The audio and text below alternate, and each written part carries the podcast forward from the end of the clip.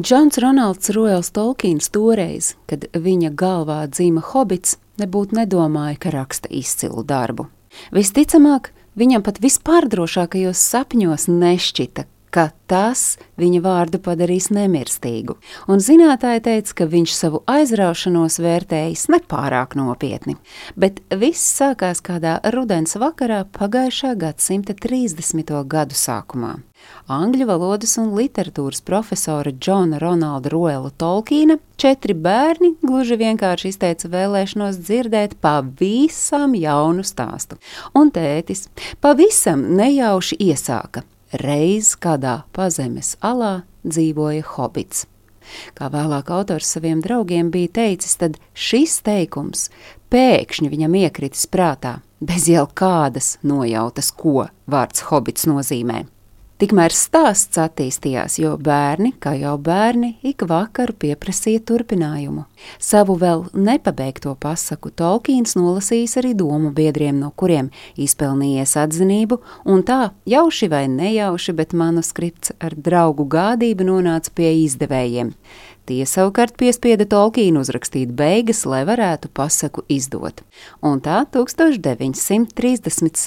gada 21. septembrī iznāca Hobits jeb turpuna atpakaļ grāmata, ko bērni iemīļoja acu mirklī, tikmēr izdevēji sajutuši, kā tas varētu izvērsties, mudināja Tolkienu rakstīt turpinājumu.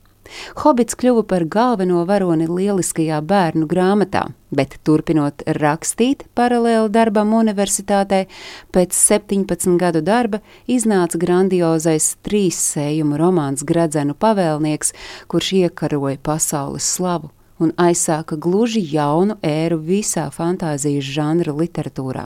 Taču viss aizsākās ar stāstu par maza, ērtības mīlošā cilvēciņa hobita piedzīvojumiem. Hobits ir unikāls darbs.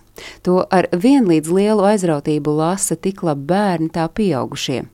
Saistošais vēstījums par hobita Bilbo burvja Gandalfa un 13 rūķu ceļojumu uz puķu smoga valstību, kurš pirms daudziem gadiem nolaupījis rūķu dārgumus, ieved lasītājus fantastiskā pasaulē viduszemē, kur risinās aizraujoši piedzīvojumi, un mīt gan lasītājam jau labi pazīstami no pasakām un mītiem aizgūti, gan arī paša autora radīti tēli. Savukārt autora labsirdīgais humors un trāpīgā valoda liek smaidīt un liek smaidīt visa vecuma lasītājiem.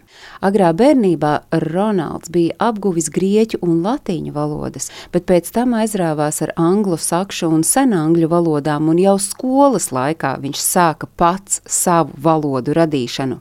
Un viņš arī mēdzis jokot, ka grāmatu nācies uzrakstīt, lai vismaz kāds runātu manis izgudrotajā valodā. Visā pasaulē neskaitāmi rakstnieki mēģinājuši sekot Tolkiena panākumiem.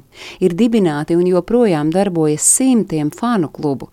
Īpašos interešu pulciņos apgūst Tolkiena izgudrotās elfu valodas, bet romāna ekranizācija 2003. gadā ieguva 11 prestižās ASV Kinoakadēmijas balvas bet 2015. gadā pasaulē aplidoja ziņa, ka romāna Hobits pirmais izdevums, tātad tas, kurš tika izdots 1937. gada 21. septembrī, izsolīts par 137 tūkstošiem mārciņu. Iepriekšējais cenas rekords par Hobita pirmizdevumu tika sasniegts 2008. gadā, kad grāmatu izsolīja par 60 tūkstošiem mārciņu. Stāstīja Agnese Drunka.